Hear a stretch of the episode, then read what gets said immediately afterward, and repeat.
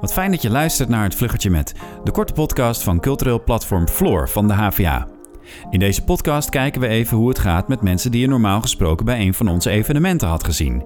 Ik ben Daniel Rommens en ik werk bij het online magazine Havana. En namens Floor praat ik deze editie met Ruurt Priester. Hij is de trekker van het duurzaamheidsprogramma Reset en daarnaast kwartiermaker van de Amsterdam Donut Coalitie.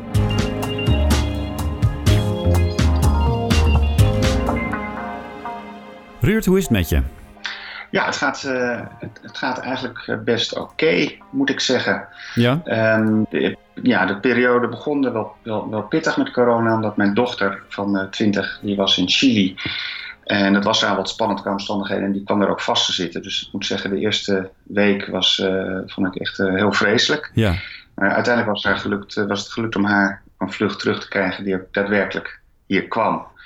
En sindsdien uh, ja, uh, is, is, die, is die heftigheid eraf.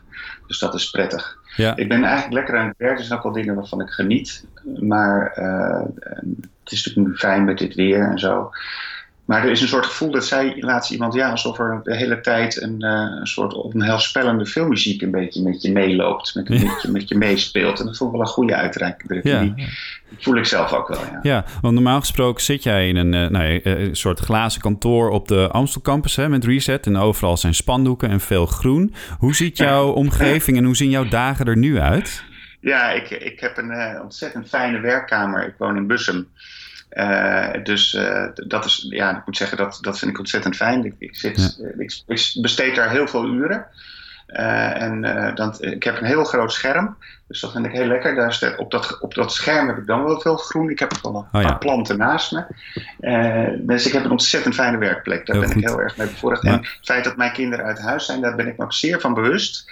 Ja. hoe ongezellig dat ook is, die, dat we niet ondertussen kinderen hoeven les te geven, dat, dat, dat scheelt een stuk. Dat kan ik me heel goed voorstellen. En wat mis jij het meest op dit moment? Nou, spontaan contact, plezier, gewoon met mensen, terrasje. Ik denk dat, dit is, sorry, dit is saai, dat zegt bijna iedereen, denk ik. Dus dat voelen we nu. Ja. Contact tussen mensen, gewoon direct de gezelligheid, de spontaniteit en, en het plezier, de, de lol, de gein. Ja. Uh, je zegt dat je ook van dingen geniet. Dus er is ook vast iets wat je helemaal niet mist aan de HVA. De, de twee uur openbaar vervoer, die mis ik niet. Dus ik voel wel dat ik die twee uur winst heb. Ja. Mijn, ik werk ongeveer de halve week bij de HVA, daarnaast ook andere dingen. Maar dan, dat is natuurlijk toch heel veel overleg.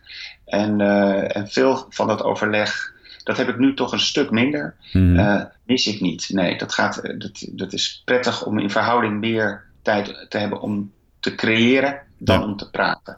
Hey, we bellen natuurlijk niet zomaar uh, met random HVA'ers. Uh, jij doet veel met duurzaamheid op de HVA uh, en daarbuiten. Maar en, daar wil ik het ook heel even met je over hebben. Want we lezen nu bijvoorbeeld overal dat de luchtkwaliteit verbetert... Hè, doordat iedereen thuis zit. Maar als ik vorige week bijvoorbeeld naar een Tweede Kamerdebat luister... dan gaat het er al over dat we de stikstofnormen wel een beetje aan de kant kunnen schuiven. En de klimaatdoelen lijken een beetje op een zijspoor te staan. Of zie ik dat verkeerd? Nou, het is. Het, is uh, het kan alle kanten nog op kantelen deze tijd. Dus het is. Uh, we zitten natuurlijk eigenlijk nog aan het begin van die, die coronacrisis. Het gaat nu vooral over de anderhalve meter economie. Mm -hmm. Maar uh, het moet natuurlijk zo snel mogelijk gaan over de anderhalve graden economie. en dat is. En, en, en, dat is ook het spannende. kijk, in, we waren al in een crisis. Dus dat uh, realiseren mensen zich te weinig. We zaten in een, in, een, in een mondiale crisis. We zitten dus nog steeds in een mondiale crisis, want we zitten op een scenario van, van drie graden opwarming. En dat is absoluut catastrofaal deze eeuw. Dat is geen pretje. Dat is slecht om te weten, daar slaap je niet goed van. Ja. En dat is de realiteit die bestond voor de coronacrisis. En de coronacrisis is ook onderdeel van de bredere systeemcrisis. Uh, waar we in zitten. Want het gaat natuurlijk niet alleen over die opwarming. Het gaat ook over de, de massa-extinctie. Het gaat over de, de extreme verschillen tussen arm en rijk. We zaten al uh, qua armoede en, en, toegang tot voedsel en schoon water. ging het al naar beneden. Ja. Dat vind ik altijd vervelend, want dan, dan, ben ik weer iemand met een slechte boodschap. Maar dat is, ik moet even dan toch de realiteit schetsen. Wij waren al in een crisis. We er wordt gezegd dat dit de grote gelijkmaker zou zijn. Uh, daar is veel nou, kritiek op, hè? dat, dat dit helemaal niet een gelijkmaker is, maar dat bijvoorbeeld arme mensen veel zwaarder getroffen worden door corona dan rijke mensen. Absoluut, absoluut. Dus ik zou het, ik zou het meer als volgt framen, ook een beetje dramatisch, maar hè, er, er, werd al vanaf begin dit jaar veel gesproken over de decisive, decisive decade, 2020, 2030, want die grote systeemveranderingen die moeten we toch binnen deze uh, dit decennium eh, ja, zien gebeuren. We moeten echt zien dat, dat, dat, dat, dat we die kanteling voor elkaar krijgen. Ja. Dus dan is het heel symbolisch dat je eigenlijk in het eerste jaar van, van dat decade nog even een hele stevige uh, uh, laatste waarschuwing krijgt. Ja. Ik, heb, ik heb met gedragspsychologen gesproken over beide crises. Uh, over de klimaatcrisis eh, en over, over deze crisis hier, die waar we nu allemaal die we heel erg voelen.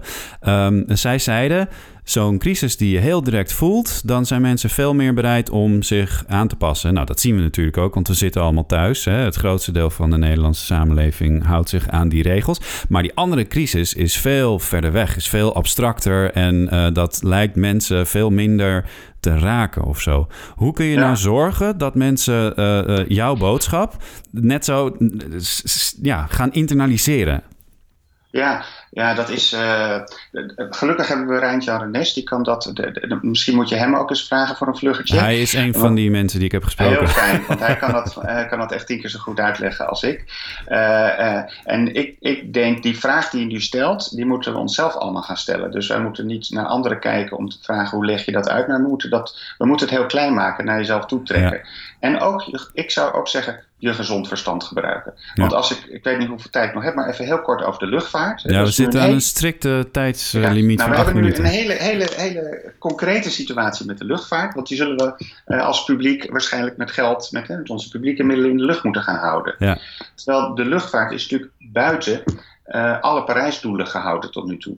Uh nou, een heel simpel gegeven. Als, moeten we niet dan nu zeggen, is dat niet makkelijk uit te leggen aan heel veel mensen, dat als we nu, net zoals de bankencrisis, heel veel publiek geld, ons belastinggeld, weer gaan betalen aan bedrijven om ze in de lucht te houden, mogen we dan niet eisen dat die bedrijven dat ook besteden op zo'n manier dat het publiek ten goede komt? En dan kom je er onherroepelijk op uit dat, dat, dat er een belastingssysteem wat klopt uh, moet worden uh, ontworpen voor die luchtvaartmaatschappijen. Dat is uitgesteld en uitgesteld. Nou, dat is gewoon iets wat we nu, als we nu dit jaar hè, korte termijn, hebben we het echt over korte termijn, onze eigen portemonnee iets moeten gaan doen, dan lijkt me dat een hele logische. Ik wil het toch even kleiner maken nog, want de luchtvaart is heel groot en wereldwijd. Maar hier in Amsterdam gebeurt er een hele hoop sinds uh, kort, want samen met Kate Rayworth en een aantal anderen zijn jullie bezig om de Amsterdamse economie circulair te maken. Kun je allereerst uitleggen wat die circulaire economie precies is, alsjeblieft in, in een paar woorden. En dan, hoe, dan, dan ook even vertellen hoe het daar nu mee staat.